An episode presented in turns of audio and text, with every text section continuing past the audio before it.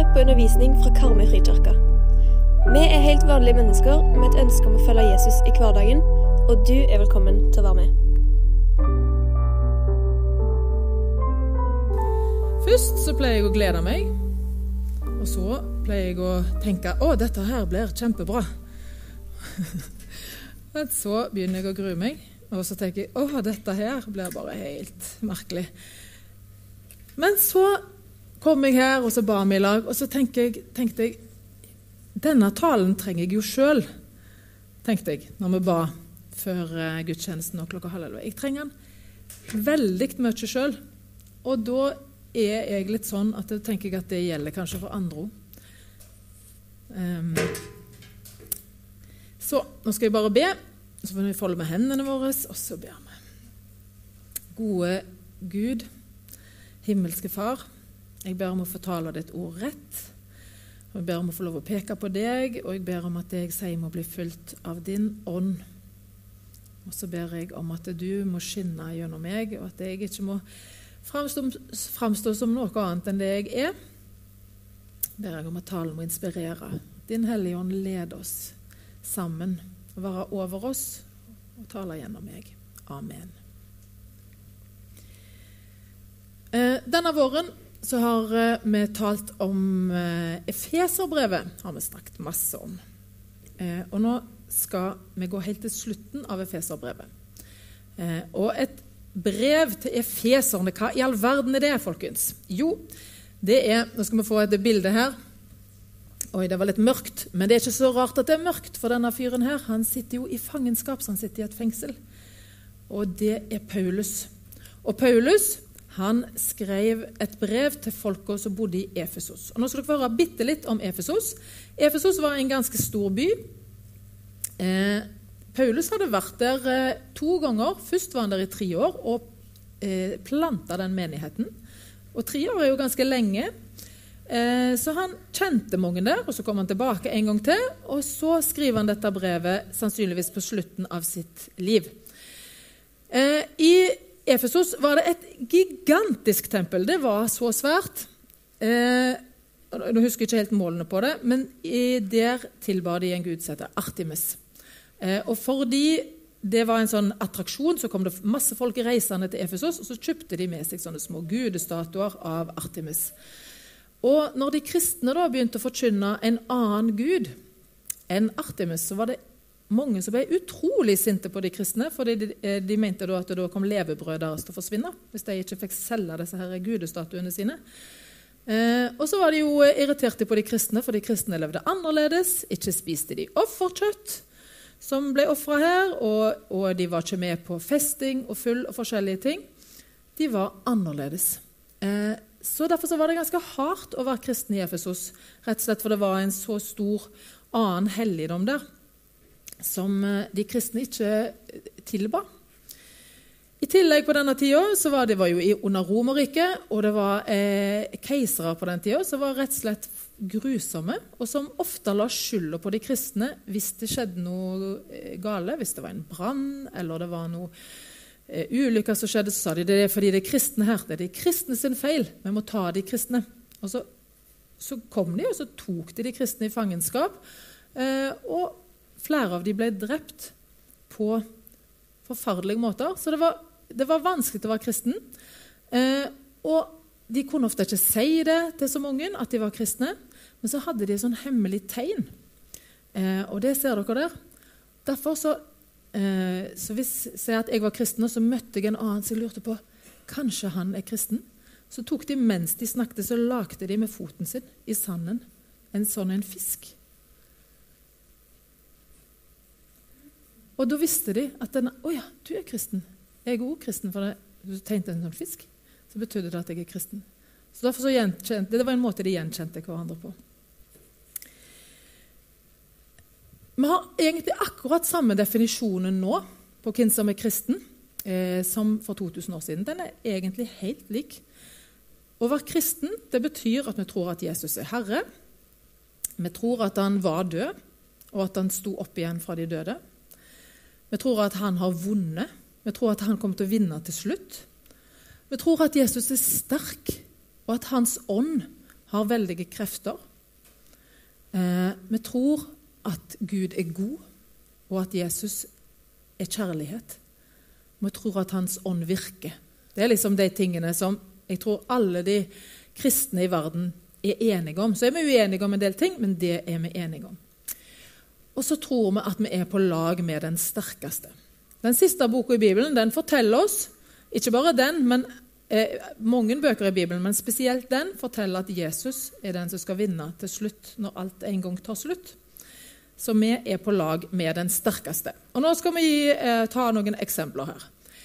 Jeg vil ha opp eh, vil, Ingen vil jo komme opp på sånne ting, men jeg vil ha opp Magnhild. Og så vil jeg ha opp Løffe, og så vil jeg ha opp Lauritz. Kom her. Kom her. Da. Ok. Og de tre er gode til forskjellige ting. Jeg kan begynne med Magnhild. Magnhild hun er vanvittig god å løpe. Jeg har ikke sjans å løpe så fort som Magnhild. Men nå ser dere Magnhild her. Eh, Magnhild, kan du stå på den sida? Og så later vi som Øystein kom opp her. Vi later som om det er Jakob Ingebrigtsen. Okay? Det er Jakob Ingebrigtsen. Det er Magnhild. Hvem vil du være på stafettlaget med? Ok, Nå kan dere peke. Vil dere være på stafettlag med Jakob Ingebrigtsen? Eller dere vil dere være på stafettlaget til Magnhild? Én, to, tre, pek. Hæ? Peker dere? Ja, det er noen som peker på Magnhild. Men de fleste peker på Jakob Ingebrigtsen. sant? For vi vil jo være på lag med den som vinner. Men noen, kan hende noen tenkte å det er så flaut å være på lag med Jakob Ingebrigtsen, for det her kommer bare til å være på lag med meg, så jeg vil heller være på lag med Magnhild. Ok, eh, Magnhild kan sette seg ned. Eh, nei, du bare stå, du. Du er liksom symbolet på det. Dette er Lauritz. Han er en veldig god fotballspiller. Er du keeper, Lauritz? Nei. Men du er en veldig god fotballspiller. Ja, jo. Det, det syns vi. Jeg syns han er en god fotball. Jeg tror han er en veldig god fotballspiller. Men dette er Erling Braut Haaland. Han vinner nesten alltid. Ikke i går kveld. Men ellers så vinner han. Han var med i går kveld. Ja, han tok jo straffen, når jeg tenker meg om. Eh, så vil du være på fotballag med Lauritz, som er kjempegod. Eller vil du være på lag med Erling Braut Haaland? Og pek på den du vil være på lag med.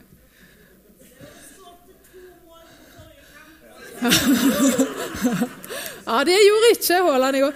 Ja, dere er dårlige å peke. Én, to, tre, pek. Ja, de fleste vil være på lag med Braut Haaland. Er du litt fornærma for det, eller? Ja, jeg syns det er helt greit. Eh, så har vi en Og hva er du god i? Hva sport er du god i? Han, han pleier å si det er ingen av gutta som slår meg i tennis. Han, der er han fortsatt bedre enn guttene. Så vil du spille double og være på lag med Leffe, som er ganske god til å spille tennis. Eller vil du være med håper jeg sier rett, Kasper Ruud? Det er det han heter. Kristian Ruud og faren. Kasper Ruud heter han. Vil du være på lag med Leffe? Kjempegod. Eller vil du være på lag med Kasper Ruud? Spille double tennis. Én, to, tre, pek. Jeg sa ingen. Jo, Astrid Birgitte. Astrid Birgitte ville være på lag med Løffe. Resten ville være på lag med Kasper Ruud. Veldig bra. Fordi vi velger jo Vi velger jo instinktivt så vil vi være på lag med den sterkeste. Sånn er vi. Og det er jo lurt hvis vi har lyst til å vinne. Eh, I Bibelen så beskrives det en kamp det onde mot det gode. Jesus, som er beskrevet som den sterkeste, og djevelen som vil ha oss vekk fra Jesus. Så er det jo sånn, Jeg tror jo ikke hvis jeg peker vil du være på lag med Gud eller vil du være på lag med djevelen, så tror jeg liksom ikke det er så mange som peker på det. Eh, og det gjør vi selvfølgelig ikke. Og ingen svært få mennesker peker på at de vil være på lag med den vonde. Eh, men vi må vite hvem er vi egentlig på lag med. Eh, og så står det mye i Bibelen eh, om at den onde prøver å dra oss vekk fra Gud. Og det må vi være bevisste på. Og Derfor skal jeg i dag snakke om det å beskytte troa si, sånn at vi ikke liksom automatisk bare glir over her. For det er det som skjer hvis vi ikke tenker oss om og på en måte er liksom bedøvde så bare glir vi liksom bort her uten at vi egentlig ville det. Så vi skal lese en tekst eh, som mange kjenner, og noen kjenner kanskje ikke, som heter 'Guds fulle rustning'. Men vi skal få den fra en litt annen type bibeloversettelse. Her har jeg en sånn vanlig bibel, men dette kommer fra noe som heter Hverdagsbibelen, som er skrevet litt mer sånn ja, hverdagslig på en måte, så vi skal forstå det. Ok. Herren, altså Gud, Herren har en rustning som dere kan ta på dere for å stå imot djevelen når han kommer med sine listige angrep. Denne rustningen må dere ta på dere. Vi står nemlig i en kamp, og det er ikke en kamp mot andre mennesker. Vår kamp er mot de mørke krefter i vår tid som vil handle på tvers av hva som er Guds plan og vilje. Vi strider mot myndighetene, mot maktene som hersker i denne mørke verden, og mot de onde åndene i den åndelige verden. Derfor må dere ta på dere rustningen som Gud har gitt dere, så dere kan være i stand til å stå imot ondskapen dere vil møte i livet. Da vil dere holde ut og vinne seier i alle kampene. Stå derfor fast, med sannheten knyttet fast som et belte rundt livet. Vissheten om at Han har frelst dere, skal være deres brynje. Skoene på føttene skal være deres vilje til å gå ut i strid for budskapet om fred fra Gud. Framfor alt må dere bruke, skjold, nei, bruke troen som deres skjold. Med det blir dere i stand til å slukke alle de brennende pilene som kommer fra den onde. Vissheten om Guds frelse er deres hjelm, og Åndens sverd er Guds ord. Be alltid, og la Den hellige ånd hjelpe dere i bønn. Slik skal dere være våkne og utholdende i bønn når dere ber for de kristne. Sånn avslutter Paulus dette brevet til feserne, at de skal kle seg i en rustning hva er en rustning? Der ser vi en rustning. En rustning er en beskyttelsesdrakt som soldatene hadde på seg på denne tida. Og Paulus han, Jeg ser for meg at han satt i fangenskapet der og så tenkte han, jeg må forklare disse her folka hvordan de skal beskytte seg. Hvordan gjør jeg det? Og så så han rundt seg i fangeholdet der. Og så så han kanskje plutselig en soldat som passet på en fange, eller et eller annet. Og så tenkte han ja, han har jo en beskyttelsesdrakt. Det! Sånn kan jeg forklare det. Ok, Så forklarte han at han måtte ha belte, han måtte ha sverd, han måtte ha hjelm, han måtte ha eh, brynje, som er det, Hvis dere ikke vet hva det er, så er det der greiene han har oppå her, som beskytter hjertet og lungene. Og så måtte han ha sko, og så måtte han ha skjold. Alt dette måtte han ha. Og så er det mange taler som tar for seg alle disse her enkelte delene og forklarer det. Og Det skal ikke jeg gjøre i dag, for det tror jeg nesten Da hadde det blitt sittende her veldig lenge. Men jeg tenker som en soldat som skal ut i krig, så trenger jeg òg I troa mi så trenger jeg all beskyttelse jeg kan få. Eh, av og til så tenker jeg at hjertet mitt trenger beskyttelse. Da trenger jeg ei brynje Ser dere den der jerngreia som går foran? Fordi at jeg, Av og til er det noen folk eller et eller annet jeg leser eller avis eller et eller annet, som kommer med sånne stikk som vil ta fra meg troa mi. Hvis jeg har ei sånn brynje, da, så stopper det det. Da, da, det. da, får de ikke stikke meg. Av og til så får jeg tanker, eller jeg leser ting, kanskje i aviser, eh, på nett, som bare går rett inn i hodet mitt og blir sånn derre Nei, nei, det stemmer ikke. Da får jeg jo angrep mot hodet mitt. Da trenger jeg en hjelm som beskytter tankene mine, eh, som beskytter Sånn at jeg ikke begynner å tenke at det, det som står i Bibelen, er feil. Den hjelmen der heter frelsens hjelm. Vissheten om at eh, Gud har frelst dere, skal være deres hjelm. Vi skal vite det. Og Da trenger vi en hjelm som beskytter, sånn at tankene våre ikke går vekk ifra det. Vi trenger den brynja som beskytter, sånn at ikke hjertet vårt blir ødelagt av angrepene rundt oss, rett og slett. Så var det et sverd, som var Guds ord, sko var villigheten til å gå ut med evangeliet. Og så har du skjoldet, da. Og Av og til har jeg sett sånne tegninger og bilder av uh, gudsfull rustning som har et sånn bitte lite skjold. Men så leste jeg en beskrivelse av skjoldet som romerne hadde. Det var så stort at de kunne liksom, hvis de satte seg ned sånn, så dekka skjoldet hele dem. Og så holdt de det sånn. Eh, fordi at fienden eh, skjøt piler, ikke bare som var spisse, men det var noe brennbart på, eh, på tuppen av dem. Så kom det der pilene sånn Og det ville du jo ikke ha på deg, selvfølgelig. Derfor hadde de skjold, så satte de seg ned sånn, og så gjemte de seg under hele skjoldet. Så står det i Bibelen at eh, så det kan slukke alle den ondes brennende piler. Og så tenker jeg av og til jeg trenger så mye et sånt skjold i livet mitt. Eh, troens skjold. Troa mi må være som et skjold rundt meg, sånn at de, de, de pilene eh, ikke når inn til meg, da. Når inn til kroppen min.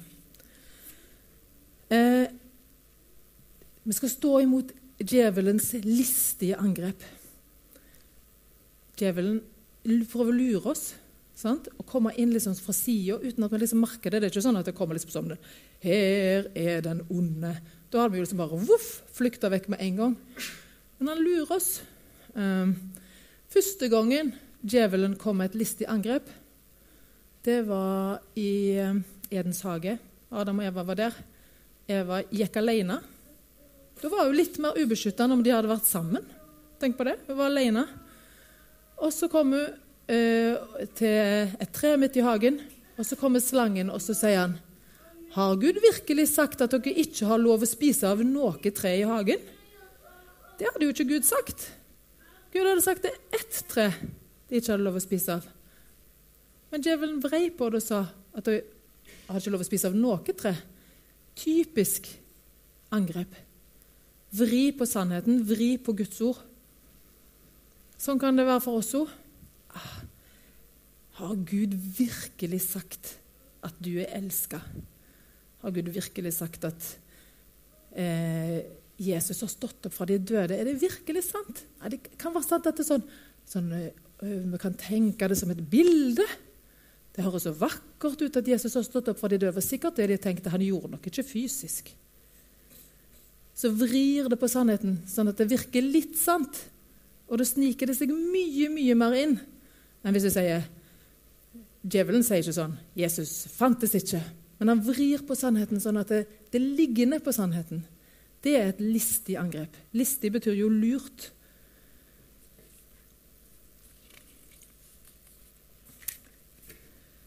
Så vi trenger brynja som beskytter hjertet vårt og vi trenger hjelmen som beskytter hodet og tankene. Og den største beskyttelsen er det skjoldet som vi kan dukke unna. Eh, og så skal ikke jeg gå inn på alle de andre, for, for det blir litt mye. Men vi som er kristne, og som tror på Guds ord, vi er så heldige at det synet vi har på hva mennesket er verdt, det tenker jeg er det absolutt beste menneskesynet. Eh, I Bibelen så står det at vi er skapt av Gud.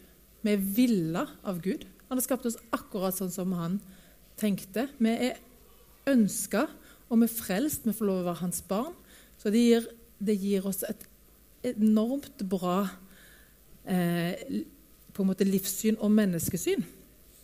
Eh, og Tidligere i år så var det en mann her som heter Alexis Lund, eh, som snakket.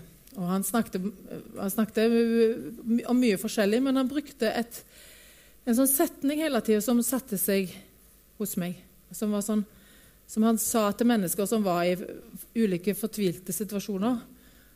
Du er villa, du er elska, og du er ønska av Gud. Sa kanskje ikke akkurat i den rekkefølgen. Du er ønska av Gud. Du er elska av Gud, og du er villa av Gud. Tenk for en enorm beskyttelse å kunne det. eh, når, når eh, selvtilliten vår blir angrepet, eller selvverdet vårt blir angrepet. Det står, og det står her, Han tar jo ikke det ut av det blå, men vi ønsker og vi elsker og vi er villa av Gud. Hva skjer da med oss når troen vår blir angrepet? Jo, da kan vi bli, vi kan bli veldig lei oss, triste.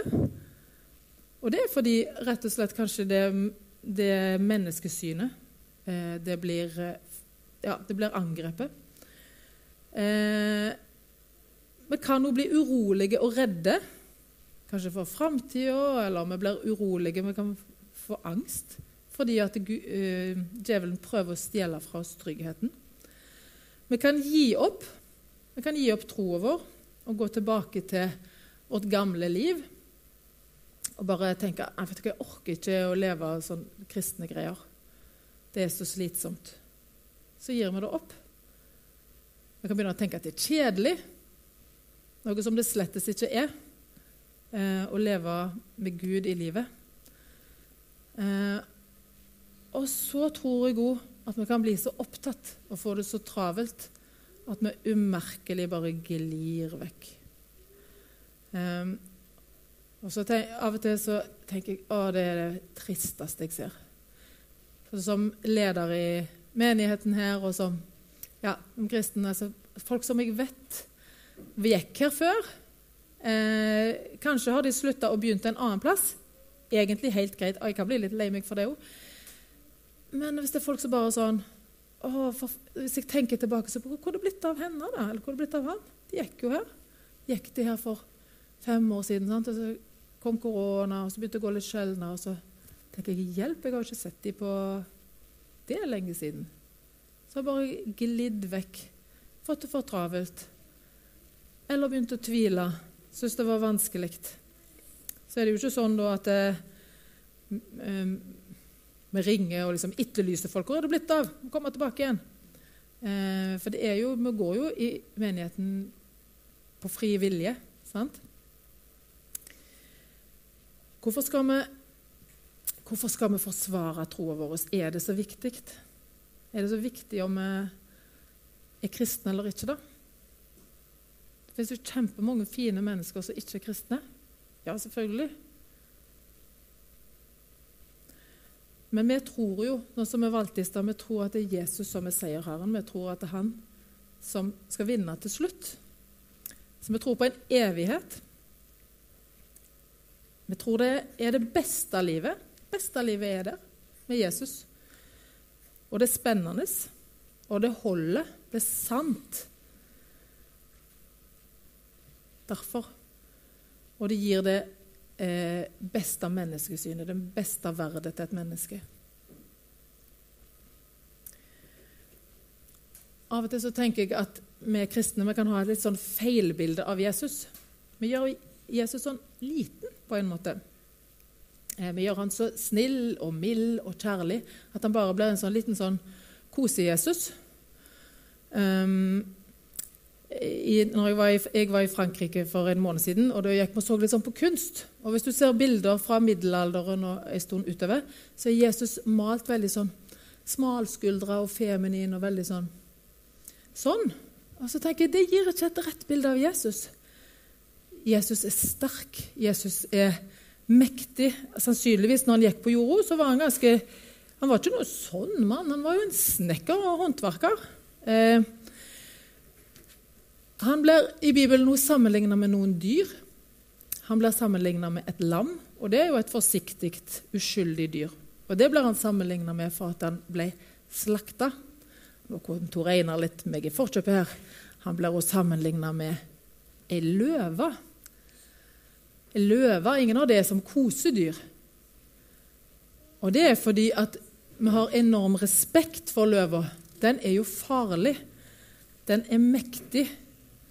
Eh, dyret har enorm respekt for løva. Eh, og den ble jo kalt for dyrenes konge. Eh, nå skal jeg komme med en bokanbefaling. Og alle som har barn fra 14 år og nedover, burde lese denne boka til sine barn. Alle burde det. Og, og om du er passert 14 år, les denne boka. Og Det er lagt film av alt, men mamma leste disse bøkene for meg. Jeg tror jeg var sånn åtte-ni. Og det, har satt, det satte seg sånn. Og så forklarte hun meg jo det bakenforliggende. Eh, denne boka heter noe så rart som 'Løven, heksa og klesskapet', og er bok nummer to i serien om Narnia, og er egentlig hovedfortellingen i Narnia, av en forfatter som heter C.S. Lewis. Han var en kristen mann og brukte denne bokserien til å fortelle om Guds rike. Og spesielt denne. Det er nesten sånn at jeg fryser på ryggen litt når jeg tenker på hvor vakkert det er skrevet om Jesus i denne. Ok, Jeg skal lese et lite avsnitt fra denne boka. Eh, helt kort fortalt så er det fire unger som kommer inn i en verden. Og de kommer inn i den verden gjennom et klesskap. I den verden så er dyr eh, snakker og oppfører seg litt sånn som mennesker. Og det er ingen andre mennesker i den verden der. Bortsett fra dronningen, eller heksa, som hersker. Og fordi hun hersker og har makta i landet, så er det alltid vinter. Det blir aldri sommer for at hun sprer en sånn kulde rundt seg. Og I tillegg så har hun makt til å gjøre alle som lever i det landet, til statuer. Opp med hånda alle som har sett filmen eller lest boka. Veldig bra! Da har dere litt bildene i hodet. Eh, Aslan kommer til landet. Og barna de vet ikke hvem Aslan er, men det er en bever som forteller om han. Han forteller at han er mektig, og at han er en slags konge. Og nå skal jeg lese. For Lucy, en av jentene, hun har en samtale med Bever. Og nå må dere prøve å legge merke til hva som Bever for hvordan han forklarer hvem Aslan er. Hvem er Aslan? Spurte Lucy. Aslan? sa Bever. Vet du ikke det? Han er kongen han er skogens herre, men han er her ikke ofte. Han har aldri vært her i min tid eller i min fars tid, men vi har hørt rykter om at han er kommet tilbake. Han vil ordne opp med heksa. Kommer hun til å forandre han også til en statue? spurte Lucy. Bevare deg vel, tenkte å si noe slikt, svarte Bever. Forvandle han til en statue? Hvis heksa kan stå på beina og se han inn i ansiktet, så er det toppen av hva hun kan gjøre. Nei, nei. Han vil vende alt til det beste, som det står i et gammelt ordtak. Er han et menneske? spurte Lucy. Aslan et menneske? Absolutt ikke. Jeg sier at han er skogens konge og sønn til den store hersker bortenfor havet. Vet du ikke hvem som er dyrenes konge? Aslan er en løve Løven, den mektige løven. Er han helt ufarlig? Jeg kommer til å bli ganske redd når jeg skal møte en løve, sier Lucy. Det vil du ganske sikkert bli, kjære deg, og det er ikke noe galt i det, sa fru Bever. Men hvis det er noen som kan komme framfor Aslan uten at knærne skjelver, er de enten modigere enn de fleste eller så er de veldig tåpelige. Da er han altså ikke ufarlig, spurte Lucy. Ufarlig, sa herr Bever. Hører du ikke hva fru Bever sier til deg? Hvem har sagt noe om å være farlig? Naturligvis er han, ufar... Nei, naturligvis er han ikke ufarlig. Men han er god. Han er kongen, sier jeg jo. Jeg gleder meg til å møte han, selv om jeg er litt engstelig, sier Lucy. Det er riktig, og det skal du også være, sa herr Bever. For neste bilde.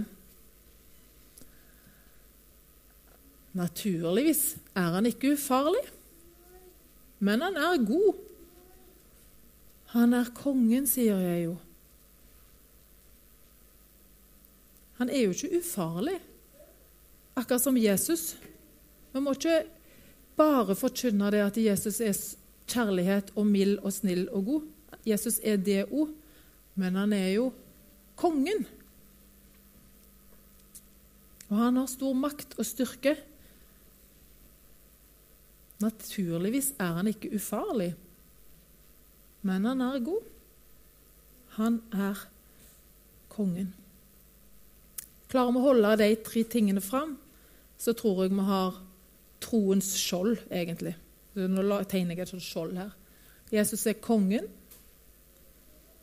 Jesus er god. Jesus har makt og styrke. Og Paulus, om du kan ta oss og spille litt, for vi skal på piano litt forsiktig. Eh, Paulus, som skrev til de kristne i Efesos, han ga dem et råd til slutt. Og det, det var Be for alle de hellige, også for meg, sa Paulus. Og Paulus han hadde jo møtt Jesus sånn skikkelig sånn midt i fjeset, på en måte. Men allikevel så trengte han at de ba for han. Og Nå vil jeg at vi skal gjøre noe mens Øystein eh, spiller litt her. Eh, vi som sitter her, er alle de hellige, faktisk. Inkludert deg og inkludert meg. Eh, og så skal vi lage et sånt troens skjold for hverandre. Og, og Paulus sier 'be' for alle de hellige ord for meg, for det skaper et skjold. Så nå se rundt deg. Og så du, finner du to personer her. og Det kan være noen på din egen alder, eller noen voksne eller noen barn. To personer som du tenker de to vil jeg be for. Ok? Vi trenger ikke si det til hverandre. Så skal vi være litt stille nå. Så vi klarer det. Alle her klarer kanskje ikke å være stille, men det går helt fint. Og så ber vi for de to. Ok? Nå er vi stille, og så ber vi for to andre personer i rommet.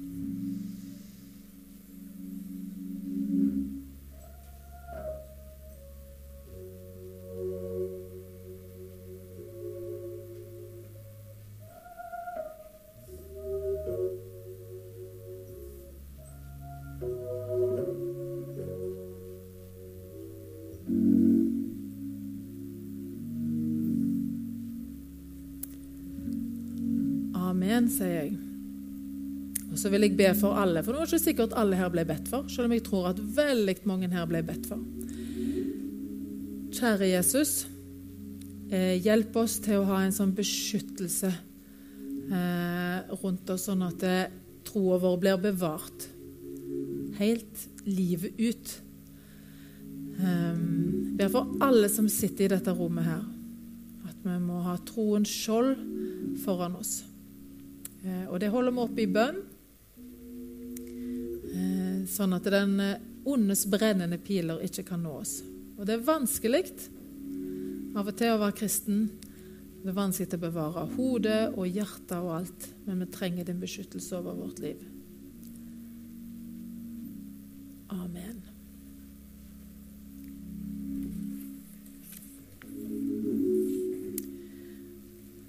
Skal bare ta ett lite bibelvers til slutt.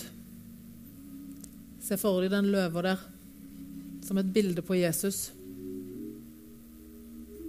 Jeg er veien, sannheten og livet. Ingen kommer til Far uten ved meg. Han er god. Han er sann, veien, sannheten og livet. Han er kongen. Og han er ikke ufarlig. Han har makt og styrke. Okay, vi leser det bibelverset i lag.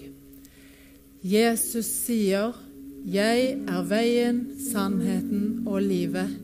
Ingen kommer til Far uten ved meg. Jeg skal synge en gammel sang som heter 'Jesus er kongen min'. Vi reiser oss opp, og så synger vi den til Jesus.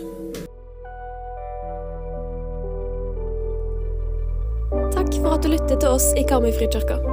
Velkommen tilbake, og velkommen innom til gudstjeneste eller på websida vår.